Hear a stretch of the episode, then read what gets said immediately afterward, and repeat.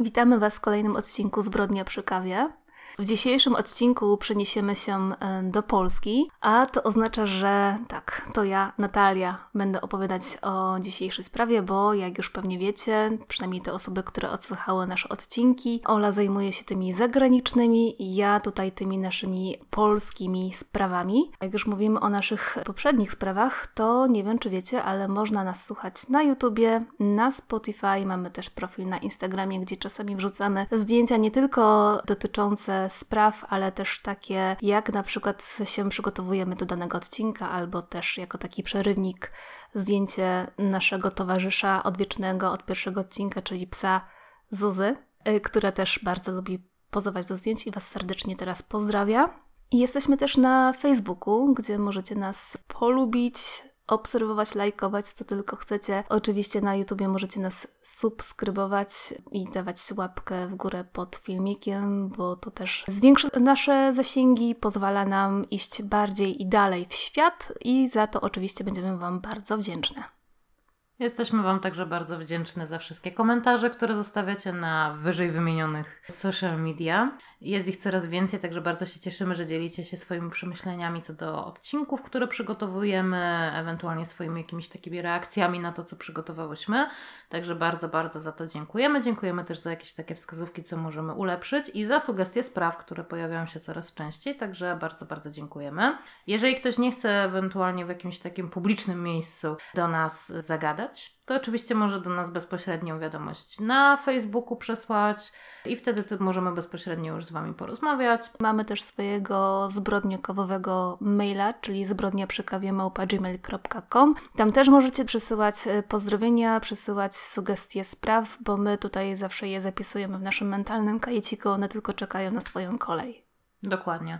Także jeżeli tylko uda nam się znaleźć odpowiednią ilość materiałów na temat danych spraw, ponieważ niestety niektóre sprawy brzmią strasznie ciekawie, ale materiałów nie ma na tyle dużo, żebyśmy mogli przygotować pełen odcinek, to na pewno prędzej czy później dany odcinek na temat danej sprawy się pojawi. A teraz, tak jak wspomniałam na samym początku, przeniesiemy się do Polski, a dokładnie do Brzeska, w sumie to będzie Brzesko i Niwka. To będą dwa miejsca, które odwiedzimy. A chodzi dokładnie o sprawę Joanny Matiaszek. Ja się zastanawiam, ile osób z Was kojarzy tą sprawę. Wydaje mi się, że to jest może jedna z tych bardziej znanych spraw zaginięcia i sprawy, która niestety do dzisiaj nie została rozwiązana, a od y, momentu, kiedy została w ogóle rozpoczęta kwestia poszukiwań Joanny Matiaszek, to już minie w tym roku 21 lat aż. Ale tak jak wcześniej e, mówiłyśmy w poprzednich odcinkach, Archiwum X naprawdę prężnie działa i to są też dowody w postaci spraw, które omawiałyśmy wcześniej. Tam była mowa o sprawach, które po 20 iluś latach zostały rozwiązane za pomocą takich nawet drobnych, małych, jakichś tam mikrośladów czy odcisków palców, które zostały zrekonstruowane w komputerach, bo taka tak technologia poszła do przodu. I ja naprawdę mam nadzieję, że tej sprawie też uda się dojść do tego, kto zabił, dlaczego i gdzie jest Joanna, bo do dzisiaj nie została odnaleziona. I Joanna Matiaszek urodziła się w 1982 roku w Brzesku. Mieszkała tam z rodzicami i z młodszą siostrą. Uczęszczała do zespołu szkół licealnych i technicznych w Podtarnowskim Wojniczu i w 2000 roku chodziła do klasy maturalnej. Ten 2000 rok to jest rok, w którym Joanna Matiaszek zaginęła. Jak wspomina ją rodzina, była wzorową uczennicą z planami na przyszłość, bo chciała pomagać ludziom i chciała iść na studia na kierunek rehabilitacja. W październiku tego roku zdała egzamin na prawo jazdy. Bardzo jej na tym zależało, bo chciała być taką samodzielną dziewczyną, która nie byłaby uzależniona czy od rodziny, czy od swojego chłopaka. Jednak rówieśnicy z jej szkoły mówią, że miała problemy związane z okresem dojrzewania, miała e, sporo kompleksów i bardzo potrzebowała akceptacji innych. Inna dziewczyna wspomina, że Joanna trzymała się raczej z boku, była taka zachowawcza, spokojna, nie wychylała się, była taką schowaną w sobie dziewczyną. Tego roku, w październiku, przed Joanną Matiaszek, jako że była w tej klasie maturalnej, to była wizja tego balu maturalnego, na który dziewczyna bardzo nie mogła się doczekać. Nawet miała, tak jak wspomina jej mama w jednym z programów telewizyjnych, upatrzoną już kreację, czyli buty i sukienkę. No ale Właśnie, kilka miesięcy wcześniej, to jest latem tego roku, Joanna poznała Przemysława i na początku para tylko się spotykała, to była taka luźna znajomość, ale z tej luźnej znajomości urodził się poważny związek. Jak wspominają bliscy Joanny, dziewczyna była bardzo, bardzo zakochana w Przemku. Doszło do tego, że dla niego uciekała ze szkoły, żeby tylko mogli spędzić razem jak najwięcej czasu.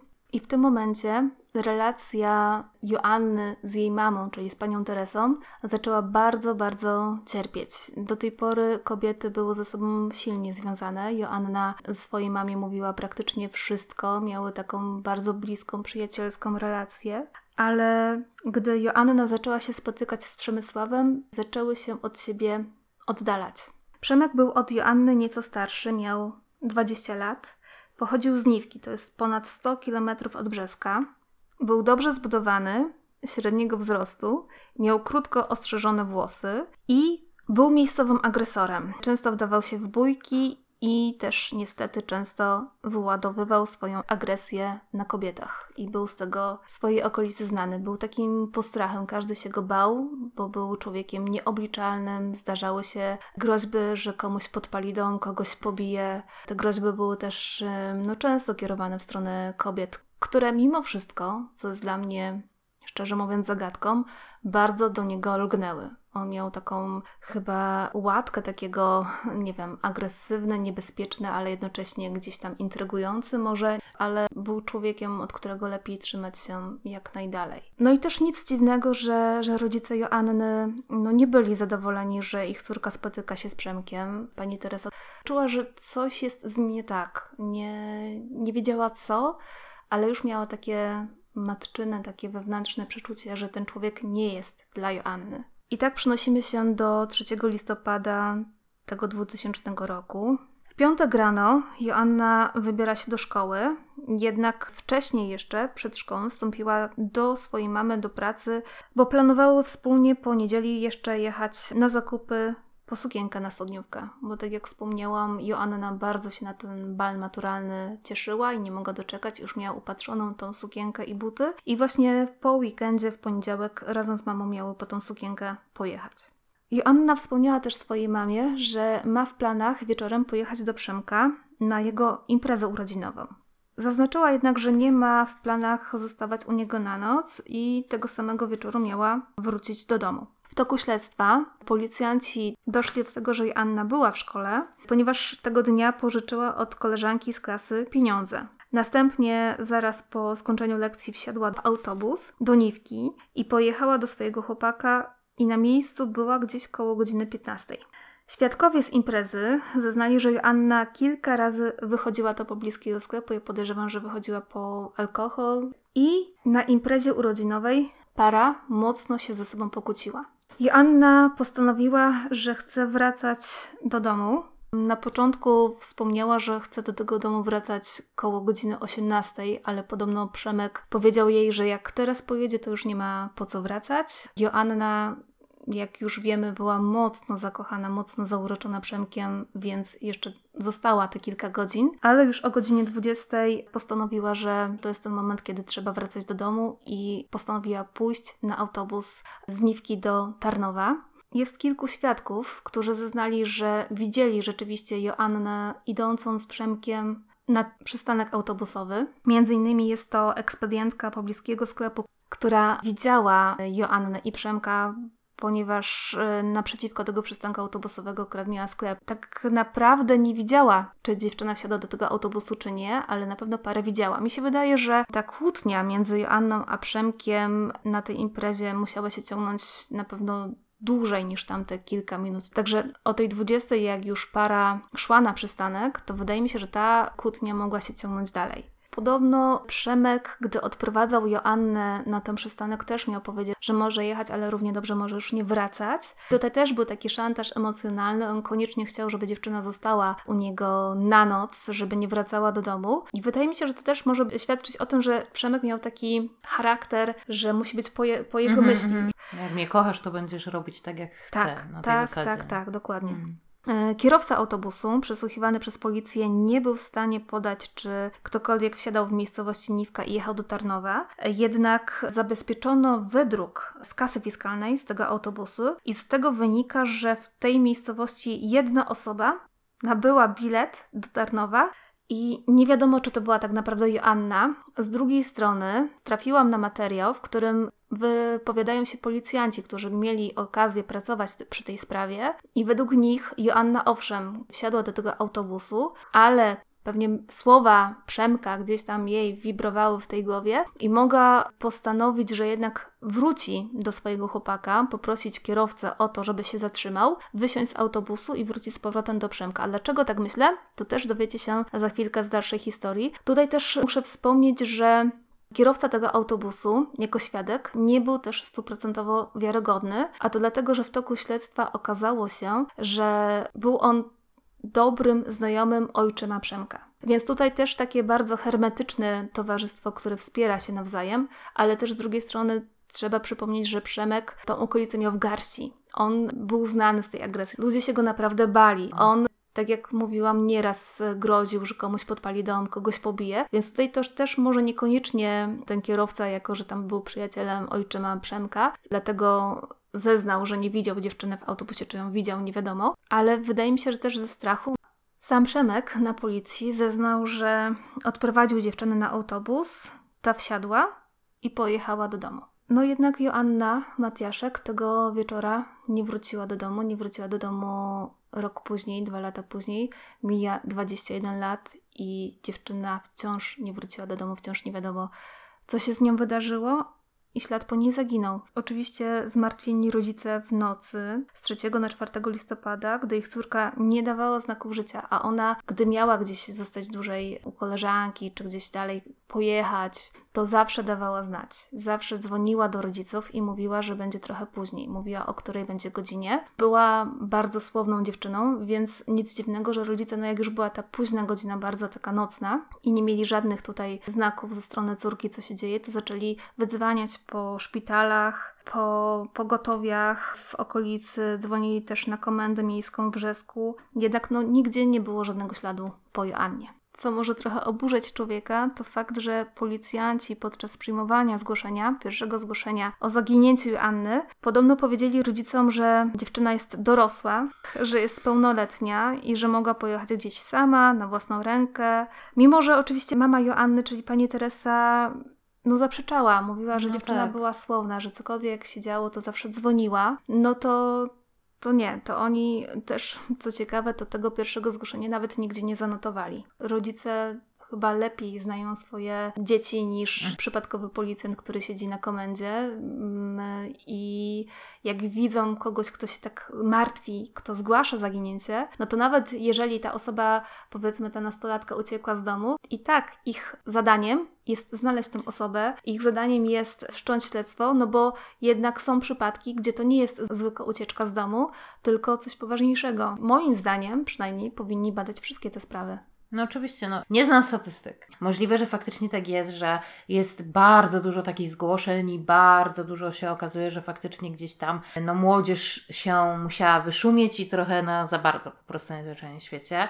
Ale z drugiej strony, jeżeli zrobi się ten wywiad z rodziną i jest to dziewczyna, która no, ona nie ma 15 lat, czyli to nie są jej pierwsze próby z jakąś imprezą, mm -hmm, tylko, mm -hmm. tylko nigdy tak nie robiła, tak? Ma już jakieś tam, no, no, no jednak jest już dorosła, tak jak tu wspomnieli. Tak. Nigdy jej się nie zdarzyła taka sytuacja, zawsze informowała, nie zmieniła nagle towarzystwa, nic nie wskazywało na to, że nagle zmieni sposób swojego działania, no to powinno to dać im do myślenia, przynajmniej powinni to zapisać, przynajmniej powinni dać na jakieś te jednostki w terenie, że jakby widzieli taką dziewczynę, to dajcie znać, bo wiemy doskonale o tym, że te pierwsze doby po zaginięciu są najważniejsze. Dokładnie i to dobrze, że o tym wspominasz, bo to, co za chwilę powiem, to Cię bardzo oburzy.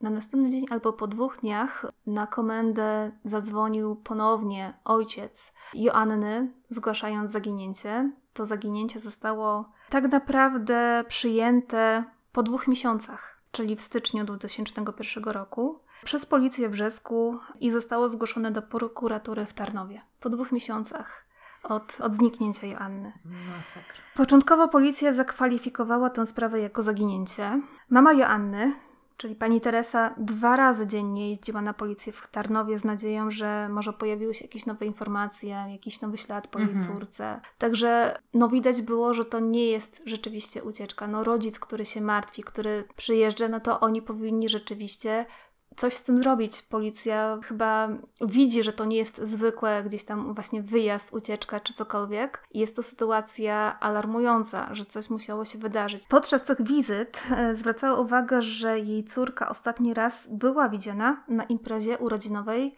u jej chłopaka, Mhm. czyli w Niwce u Przemysława. No jednak nikt z policji nie pokusił się, żeby pojechać, sprawdzić chłopaka, zbadać ten dom, w którym była impreza urodzinowa, sprawdzić chociażby, nie wiem, przystanek autobusowy, gdzie ostatni raz dziewczyna była widziana, czy okolice tego przystanku. I tak naprawdę sprawa przez wiele, wiele miesięcy tkwiła w miejscu i nie było żadnego przełomu. No trudno, żeby był przełom, jak nic z nich nie robi. Dokładnie. I dopiero w maju, po siedmiu miesiącach, do śledztwa włączyła się Tarnowska prokuratura. Jednak wciąż przez kilka miesięcy badania tej sprawy nie udało się ustalić miejsca, czasu i okoliczności zaginięcia Joanny Matiaszek, więc y, sprawę umorzono. Tym momencie pani Teresa złożyła zażalenie na tę decyzję, ale też jednocześnie media bardzo zainteresowały się tą sprawą. Było dosyć głośno o zaginięciu 18-letniej Joanny Matiaszek. Niestety nie było wciąż przełomu w sprawie, mimo że ta sytuacja została dość mocno na całą Polskę nagłośniona.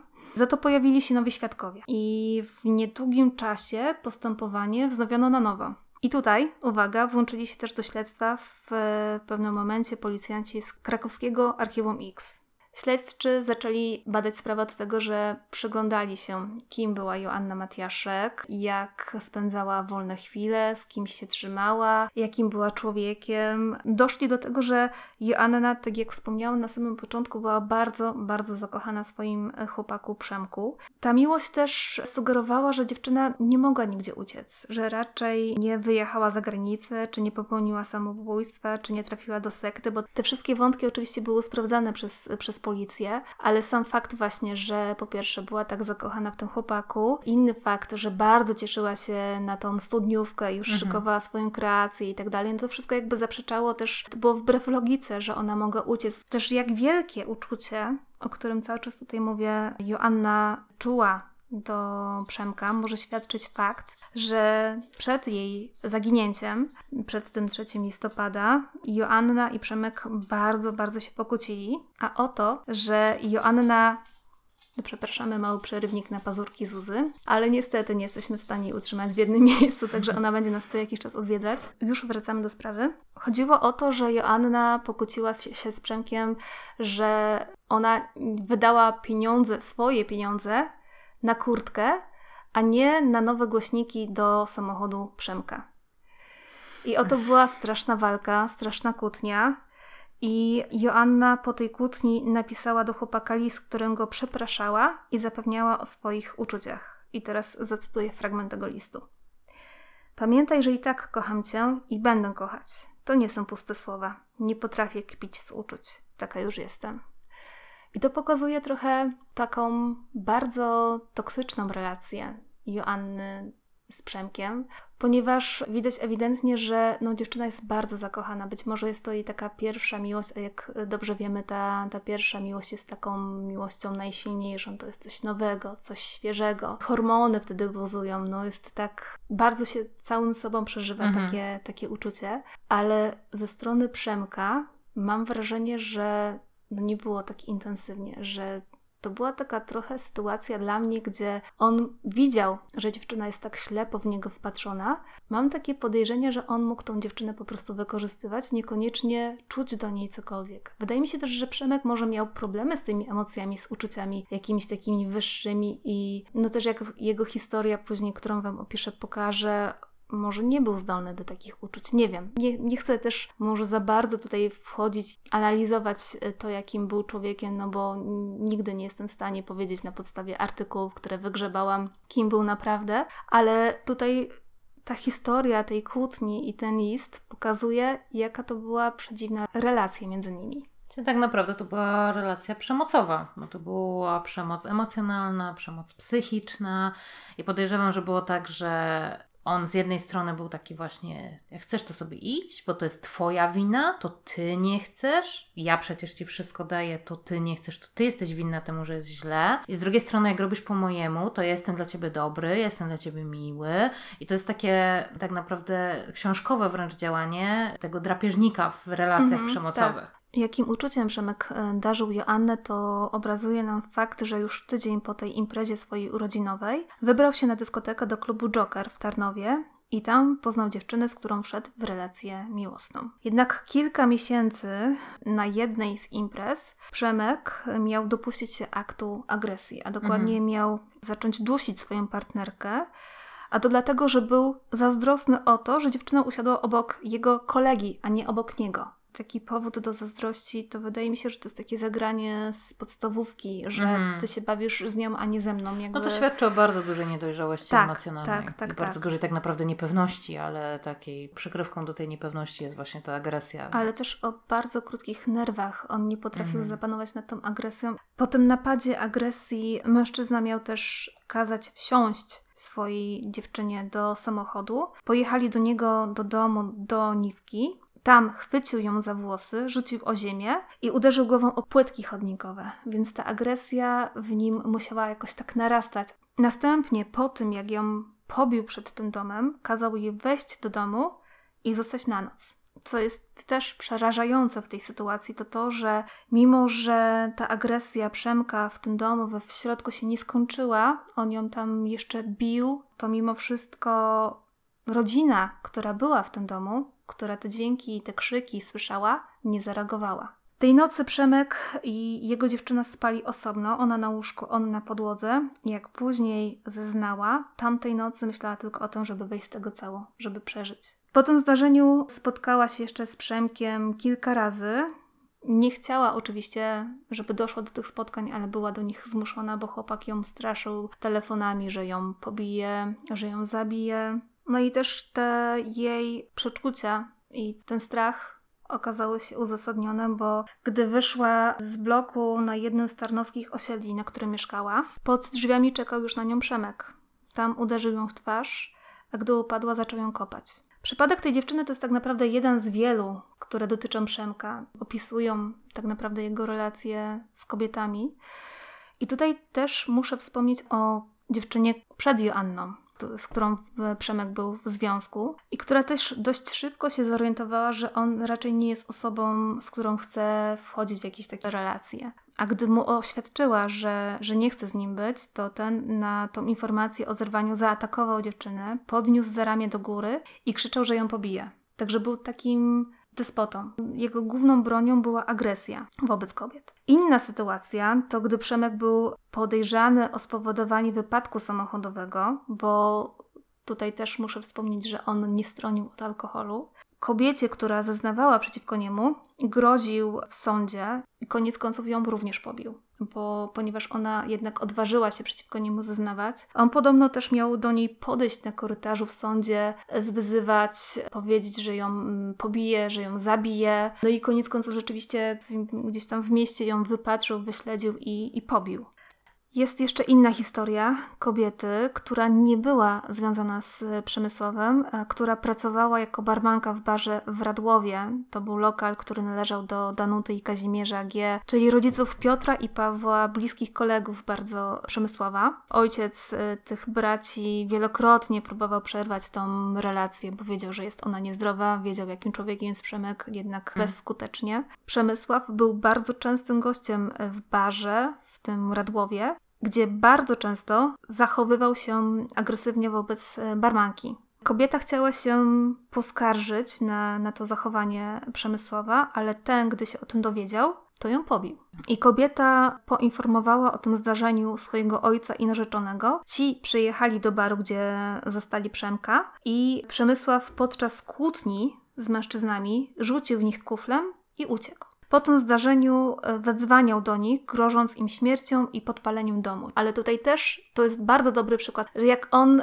był taki twardy, bezwzględny wobec osób, które były od niego słabsze, Dokładnie. a tutaj miał dwóch przeciwników, Dokładnie. być może, nie wiem, którzy równali się siłą z nim. W tym momencie on uciekł, więc też pokazuje to idealnie, no jakim człowiekiem był Przemysław. Nie może mówię w takim dosyć mocnym tonie, ale to też ze względu na to, że no ja nie respektuję, nie uznaję czegoś takiego jak, jak przemoc wobec e, słabszych osób, wykorzystywanie swojej siły po to, żeby kogoś krzywdzić, absolutnie jestem temu przeciwna. I może czasami trochę za twardo tutaj akcentuję, że Przemek był zły, zły i koniec, ale no ktoś podniósł rękę na, na kogokolwiek. Ja nie mówię, że to musi być kobieta, Mhm. ale podniesienie ręki na, na słabszego i to z jakiegoś takiego błahego powodu, no po prostu jest to dla mnie niedopuszczalne zachowanie i ja czegoś takiego nigdy nie będę akceptować. Zawsze będę przeciwnikiem w ogóle agresji, bo to moim zdaniem to jest takie ostateczna ostateczność. Tak, zwłaszcza, że tak naprawdę agresja świadczy o słabości, bo to znaczy, że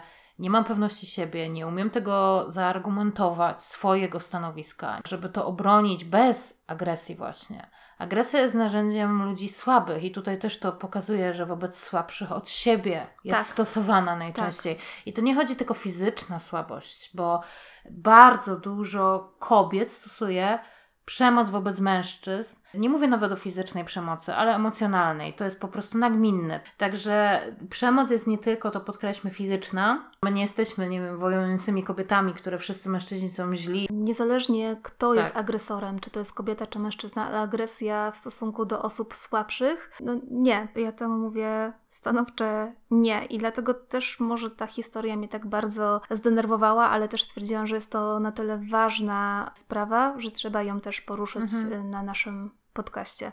I tu przechodzimy do bardzo ważnego wydarzenia, a mianowicie w grudniu 2002 roku Przemysław poznaje kolejną dziewczynę na dyskotece. Jednak tutaj po kilku tygodniach spotkań przy kawie i odkryciu, że chłopak nie tylko nadużywa alkoholu, ale jest też porywczy i że jego dziewczyna mm, zaginęła w tajemniczych okolicznościach ponad rok temu, no to daje do myślenia tej kobiecie, że jednak to nie jest też osoba, z którą chciałaby się dalej spotykać. I, i właśnie dlatego nie chciała podjąć się kontynuowania tej, tej relacji. Jednak tutaj znowu Przemek e, nie chce dać za wygraną i zaczyna nękać kobietę telefonami, grozi, że jej coś zrobi. I ta pod naciskiem, ale też pewnie ze strachu, w drugi dzień świąt Bożego Narodzenia spotyka się z mężczyzną u niego w domu i kiedy chciała wyjść, ten wpadł w szał. Zaczął krzyczeć, że zabije ją jak tamtą szmatę i zakopie koło niej. A gdy kobieta spytała, o kogo chodzi, ten pokazał jej wycinek z gazety o Joannie Matiaszek. Tego wieczoru nie wypuścił dziewczyny z domu, wykorzystał ją seksualnie, no a ona była zbyt przerażona, żeby nawet próbować w ogóle uciekać y, z tego domu. Miesiąc po tym zdarzeniu Przemek ponownie zmusił kobietę do tego, żeby pojechała z nim do domu i tam ponownie zaczął się nad nią znęcać, zaczął ją bić. I tym razem na całe szczęście zareagowała matka mężczyzny i wezwała policję. I podobno podczas rozmowy z funkcjonariuszami matka powiedziała, że nie chce drugiego zabójstwa w jej domu. Gdy policja przyjechała na miejsce, to Przemek co zrobił? Uciekł w pole. Policja jeszcze tego samego dnia znalazła go na strychu w domu rodziców. I tym razem kobieta była na tyle odważna, że zdecydowała się zeznawać przeciwko Przemkowi. Akta sprawy trafiły do sądu rejonowego w Tarnowie. Oczywiście, jak możemy się domyślać, Przemysław nie przyznał się do winy.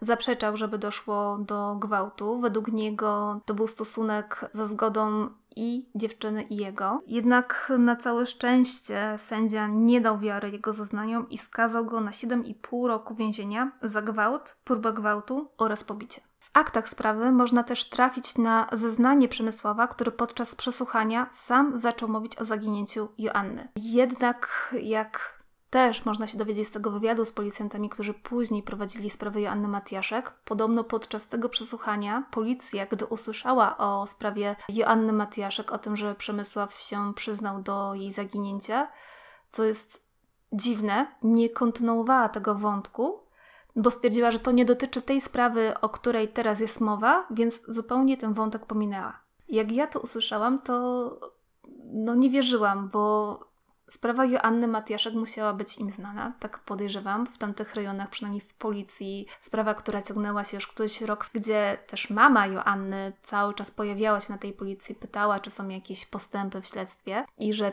to dla nich było nieistotne i to stwierdzili, że no jest to sprawa, którą mogą sobie spokojnie pominąć, nie mieści mi się kompletnie w głowie. To trochę odbiera wiarę w policję, jakby spotykamy się podczas e, opowiadania spraw na tym podcaście ze sprawami, gdzie policja naprawdę zrobiła super robotę tak, i tak, tak, tak, od początku do końca widać, że naprawdę dążyli do rozwiązania sprawy, a spotykamy się też z takimi sytuacjami, gdzie wydają się takie stawowe błędy, kroki wydają się oczywiste, one zostają mm. w tej sprawie pominięte. Oczywiście my będziemy podkreślać, że nie jesteśmy mm. policjantami, prawnikami, nie mamy kontaktu z tego typu tematyką na co dzień to po prostu hobby, te sprawy true mhm. crime, ale są rzeczy, które wydają się oczywiste, nie wiem, pobranie odcisków palców, czy dopytywanie, gdy słyszymy, że tak, ktoś tak, przyznaje tak. się do zaginięcia, to jest taki oczywisty krok, ale, ale dobrze, no tutaj ten wątek nie został pociągnięty. Jeżeli chodzi o samo poszukiwanie Joanny, to okolice były przeszukiwane oczywiście wielokrotnie. Mhm. Tutaj nie mogę powiedzieć, że policja nic kompletnie nie robiła, że po prostu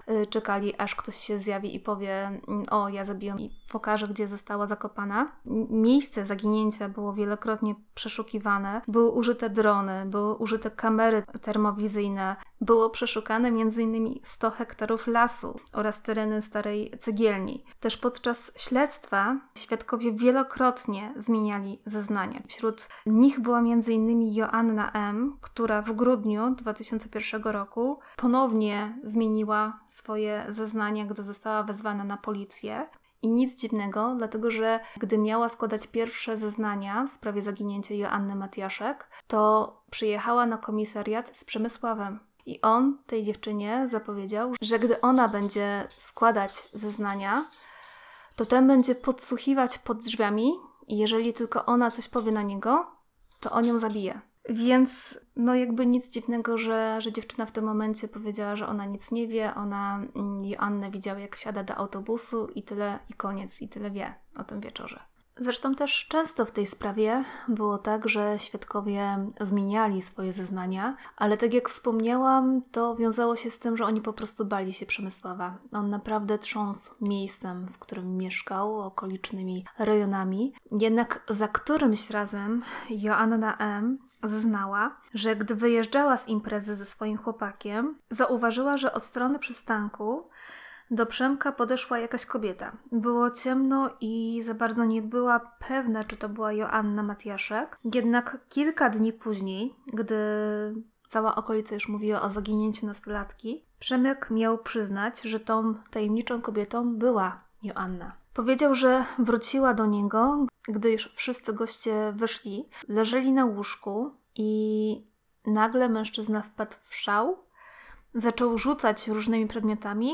Był też oczywiście po tej imprezie mocno pijany. Joanna próbowała go uspokoić i wtedy Przemek chwycił za kluczyki do samochodu i wyszedł przed dom. Joanna wtedy wybiegła za nim, by go uspokoić i uniemożliwić odjechanie samochodem. Nie chciała, żeby Przemek pod wpływem alkoholu prowadził samochód. Jednak ten wsiadł do samochodu i dziewczyna w tym momencie wyrwała mu kluczyki. To mhm. oczywiście Przemka, jako że już wiemy, że był człowiekiem o krótkich nerwach, bardzo zirytowało i w tym momencie po raz pierwszy, odkąd byli razem, uderzył Joannę i uderzył na tyle mocno, że dziewczyna się przewróciła. Następnie zabrał jej te kluczyki od samochodu, wsiadł do pojazdu. Joanna podniosła się i wsiadła do samochodu razem z nim. Następnie Przemek miał zakończyć tą wypowiedź słowami Wypchnąłem ją do samochodu i wywiozłem kurwę w las. W lesie podobno miał uderzyć Joannę, raz jeszcze, ale tym razem na tyle mocno, że dziewczyna zaczęła krwawić. Następnie zostawił ją w tym lesie i odjechał. Po pewnym czasie Przemek jednak zmienił zdanie wrócił na miejsce, gdzie zostawił Joannę. Tam zauważył, że dziewczyna już wracała drogą w kierunku Niwki. I w tym momencie chłopak urwał swoją opowieść, gdy Joanna M., czyli świadek, zapytała, co było dalej. Przemek już nic nie odpowiedział. Co też ciekawe, ówczesny chłopak, Joanny M., czyli Paweł G., czyli tak jak wcześniej wspomniałam, bliski kompan Przemysława, tuż po zaginięciu Joanny Matiaszek pomógł Przemkowi pozbyć się samochodu. A tutaj też warto wspomnieć, że ten samochód dla Przemka był takim oczkiem w głowie mężczyźni pocięli ten samochód na części. Też tutaj trzeba wspomnieć, że Joanna M. krótko po tym zdarzeniu, po imprezie u Przemka, po zaginięciu Anny, wyprowadziła się z miejsca zamieszkania. Policja przeszukała mieszkania uczestników imprezy, zabezpieczono różne przedmioty i u Przemka znaleziono łańcuszek i czarną torebkę i w środku, w tej torebce, był psi włos. Po badaniach okazało się, że należy on do psa rasy Rattler i takiego dokładnie psa miała Joanna. Dodatkowo świadkowie też zeznali, że taką torebkę w dniu zaginięcia miała ze sobą Joanna. Czyli tutaj niby poszlaki, ale wydaje mi się, że już takie dosyć solidne. Jeżeli chodzi o ten włos, który został znaleziony w torebce, to Niestety nie można było z, wykonać badania potwierdzającego, czy to na pewno włos, który pochodzi od psa Joanny, dlatego że ten włos był za krótki. Te próbki jednak musiały być nieco większe, żeby móc pobrać DNA do badań. To zupełnie inaczej wygląda w dzisiejszych czasach, dlatego dla mnie to jest wciąż niesamowite, jak ta technika poszła w tak krótkim czasie do przodu. Niestety, po raz kolejny sprawa utknęła w martwym punkcie. Jednak policjanci z archiwum X, o którym wcześniej wspomniałam, nadal prowadzili czynności poszukiwawcze, czyli używali m.in. psów tropiących do poszukiwania zwłok. Sprowadzili też nawet florystę, który uczył policję, jak szukać miejsc, których grunt był przekopywany. I on tam mhm. też w jednym z odcinków bodajże to były albo magazyn kryminalny, albo listy gończe. Oczywiście wszelkie źródła, którymi się posiłkowałam przy tworzeniu tego odcinka zostaną załączone. To tam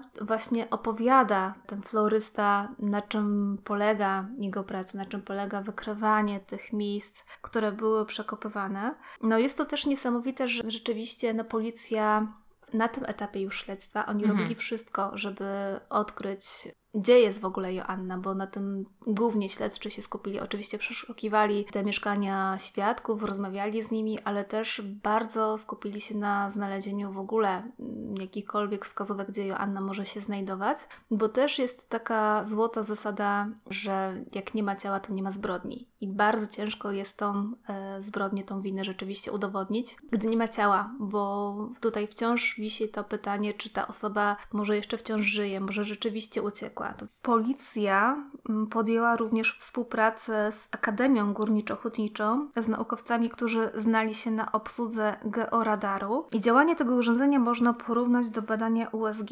Georadar odwzorowuje strukturę gruntu przy pomocy specjalnej anteny, i bada Ziemię na głębokość 3 metrów. Jednak też tą metodą niestety nic nie znaleziono i to też tutaj jeden ze specjalistów techniki badania georadarem wypowiada się, i to właśnie był program Listy Gończe, dr Jerzy Ziętek, że gdyby zwłoki byłyby pochowane w całości, to nie ma możliwości, żeby je przeoczyć podczas badania terenu, ale inaczej sprawa się ma, gdy ciało zostaje rozkawałkowane wtedy jest możliwe przeoczenie. Do akcji również wkroczyli płetwonurkowie. Tam nawet podczas jednej z akcji poszukiwawczych jeden z akwenów, z niego wypompowano całkowicie wodę w poszukiwaniu Joanny. Mimo tych wszystkich działań wciąż nie było żadnego tropu i sprawa po raz kolejny została umorzona. Na nowo wrócono do sprawy w kwietniu 2003 roku.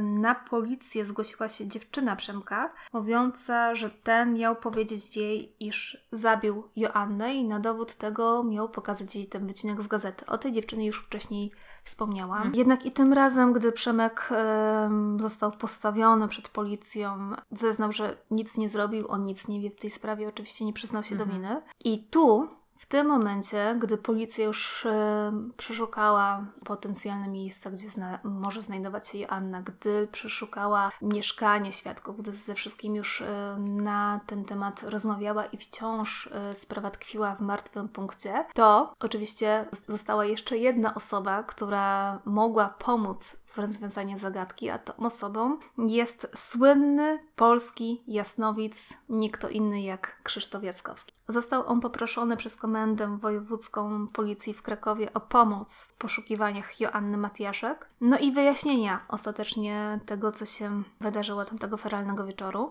Z jego wizji wynikało, że i tutaj cytat, zabiła ją osoba, do której ta dziewczyna żywiła ślepe uczucie. To uczucie było nieracjonalne, bo człowiek ten miał jak wybuchy, nagłe napady. Więc młoda, niedoświadczona dziewczyna mogła się zakochać niedojrzale w kimś takim. Uważam, że ktoś taki ją zabił, czyli to była uczuciowo dla niej bliska osoba. W programie Listy Gończe Krzysztof Jackowski mówi, że on jest przekonany stuprocentowo, że ciało nastolatki znajduje się w zbiorniku wodnym, który wskazał policji. Nie mam tutaj niestety informacji, czy ten zbiornik wodny został koniec końców przeszukany przez policję, ale wydaje mi się, tak jak na podstawie e, sprawy Magdy Czechowskiej, gdzie też policja posiłkowała się wskazówkami, które dawał im Krzysztof Jackowski, wydaje mi się, że ten zbiornik to właśnie może to jest ten, z którego wypompowano wodę. Możliwe. Niestety, mhm. no nie znalazłam tych informacji, więc tutaj nie jestem na 100% pewna. Z wizji Krzysztofa Jackowskiego, z tych zebranych zeznań świadków, i też z samych przeczuć, które, o których mówi pani Teresa, czyli matka Joanny Matiaszek, tutaj wszystko wskazuje na to, że sprawcą zaginięcia Joanny jest Przemek. I w tym roku, czyli w 2021, prokuratura postanowiła po raz czwarty otworzyć sprawę, ponieważ wydawało się, że koledzy Przemka mają jakąś wiedzę o zaginięciu Anny. Jeden ze świadków przyznał, że Przemek powiedział mu, że zabił Annę i ukrył jej ciało. Drugi zeznał, że Przemysław jedynie mówił, że gdyby faktycznie pozbawił swoją dziewczynę życia, to ukryłby jej ciało tak, że nikt by ją nie znalazł. Niestety okazało się, że te zeznania, jak i te wcześniejsze, nie są wystarczające do udowodnienia winy Przemkowi. I tutaj też policjanci, o których już e, kilka razy tutaj wspomniałam podczas tego odcinka, którzy wypowiadali się w jednym z programów, oni mówili, że oni czują, że Joanna nie żyje, że została zabita, że Przemek maczał w tym palce i nawet udali się z tymi poszlakami, z tymi zeznaniami świadków, z tymi tam zabranymi dowodami, właśnie z tym włosem z torebki do, do prokuratury, jednak prokuratura stwierdziła, że no to są za mało dowody na to, żeby wszcząć postępowanie, żeby móc oskarżyć Przemka o zabójstwo Joanny Matiaszek. I co ciekawe, Kilka lat wcześniej Przemek został poddany testom wariografem i tutaj Muszę powiedzieć, że ja do tej pory, tak jak większość pewnie, byłam przekonana, że wariograf to jest urządzenie, które wykrywa kłamstwa, czyli jak kłamiemy, to od razu pokazuje, nie, nie, nie. ale właśnie to nie na tym rzeczy polega.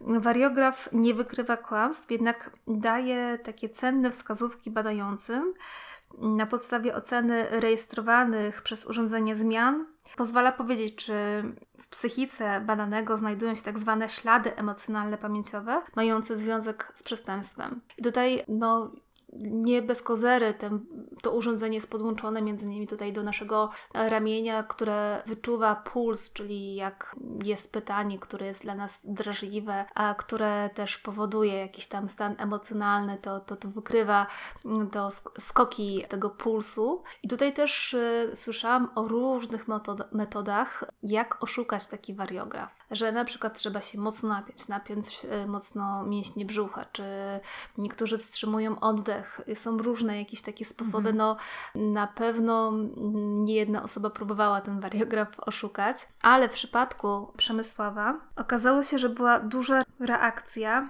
na wzmiankę o torebce. Natomiast na to, że zamordował Annę, już nie bardzo re reagował. We wnioskach biegłych można przeczytać, tutaj cytuję, z dużym stopniem prawdopodobieństwa można przyjąć, iż posiada on i ukrywa wiedzę, kto dokonał tej zbrodni i gdzie znajdują się zwłoki ofiary. I mimo tylu poszlak, mimo tylu zeznań świadków, wciąż nikomu nie postawiono zarzutów. I tak jak mówiłam wcześniej, wyniki analizy badań ekspertów wykluczyły wersję o samobójstwie oraz o dowolnym oddalaniu się od domu. Wykluczyły też wersję nieszczęśliwego wypadku. I tutaj, jak jeden z prowadzących śledztwa wspomina, to wnioski były jednoznaczne że Joanna zaginęła w warunkach przestępstwa, a więc zaliczany został on do tak zwanej ciemnej liczby zabójstw, czyli są to Zaginięcia osób, nieszczęśliwe wypadki, wypadki z okien, utonięcia. Jak sam wspomina, przypadek Joanny to zabójstwo, które nie zostało potwierdzone ze względu na zbyt małą ilość dowodów. 18 maja tego roku, czyli 2021, do Niwki koło Tarnowa zjechały duże siły policyjne i akcja miała związek ze śledztwem, którym czynności prowadzi KWP w Krakowie i wszystko wskazuje na to, że chodzi o ponowne przejrzenie się sprawy zaginięcia Joanny. I na to miejsce, gdzie policja prowadziła poszukiwania, ściągnięto nawet dwie koparki i młodszy inspektor Sebastian Gleń Rzecznik prasowy małopolskiej policji nie chciał zdradzać szczegółów w rozmowie z dziennikarzami, tylko wspomniał, że Komenda Wojewódzka Policji w Krakowie wykonuje tam czynności do jednej z prowadzonych spraw kryminalnych. No ale z drugiej strony Niwka nie jest dużym miejscem, e, więc tak szeroko zakrojone poszukiwania te dwie koparki, no to mogą jednak wskazywać mimo wszystko na sprawę Joanny Matiaszek. I tutaj to też jest taki mocny sygnał na to, że Archiwum X nie odkłada tej sprawy na półkę, mimo że Sprawa była wielokrotnie umorzona, wielokrotnie wznawiana. Mm, świadkowie wielokrotnie zmieniali zeznania i tak naprawdę wciąż nie ma takich twardych, mocnych dowodów, kto jest odpowiedzialny za to, co i właśnie co w ogóle wydarzyło się e, z Joanną Matiaszek, to Archiwum X się nie poddaje. Oni wciąż szukają. Te metody wciąż idą do przodu i być może ja cały czas y, mocno trzymam kciuki i cały czas na to liczę. Być może za kilka lat dowiemy się, co tak naprawdę się wydarzyło. Jest to o tyle ważne, że rodzina, która wciąż nie może zaznać spokoju, w końcu będzie mogła y, może trochę odetchnąć z ulgą. I to jest taka właśnie jedna z tych spraw, która na pewno ze mną przynajmniej zostanie na dłużej, zostanie mi w głowie. No i tak jak wspomniałam, będę śledzić, będę zaglądać, yy, czytać, szukać artykułów i trzymać kciuki, żeby koniec końców sprawiedliwości stało się zadość. No przede wszystkim tutaj chyba najbardziej trzymamy kciuki za to, żeby rodzina w końcu się dowiedziała, co się wydarzyło z ich bliską osobą, z Joanną, bo myślę, że mimo tego, że wszystko wskazuje na to, że niestety Joannę spotkał najbardziej tragiczny los, czyli niestety jej życie zostało przerwane, to gdzieś tam jest ten cień cienia szansy, niteczka nadziei, że może, może jednak, może ją, nie wiem, pobił, straciła pamięć, gdzieś poszła, może gdzieś funkcjonuje i, i nie wie, że ma wrócić do domu, dlatego się nie kontaktuje mimo upływu tylu lat.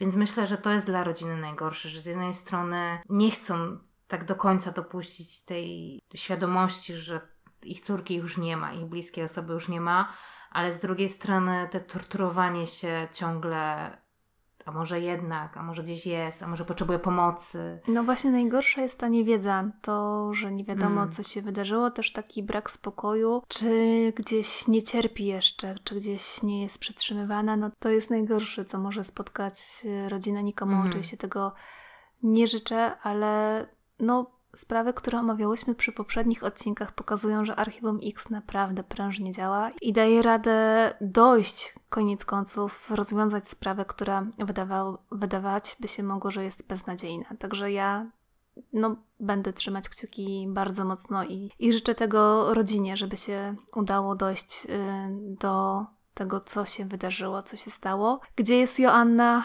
I to tyle, jeżeli chodzi o dzisiejszą polską sprawę. Za tydzień, jak zawsze, przeniesiemy się do innego kraju, do jakiego to może nie będziemy zdradzać tym razem. Sami się przekonacie, jak nas posłuchacie za tydzień, bo jak zawsze nasze odcinki pojawiają się co poniedziałek rano, także czekajcie na kolejną sprawę od Oli, a tymczasem pozdrawiamy Was serdecznie. No i do usłyszenia. Do usłyszenia.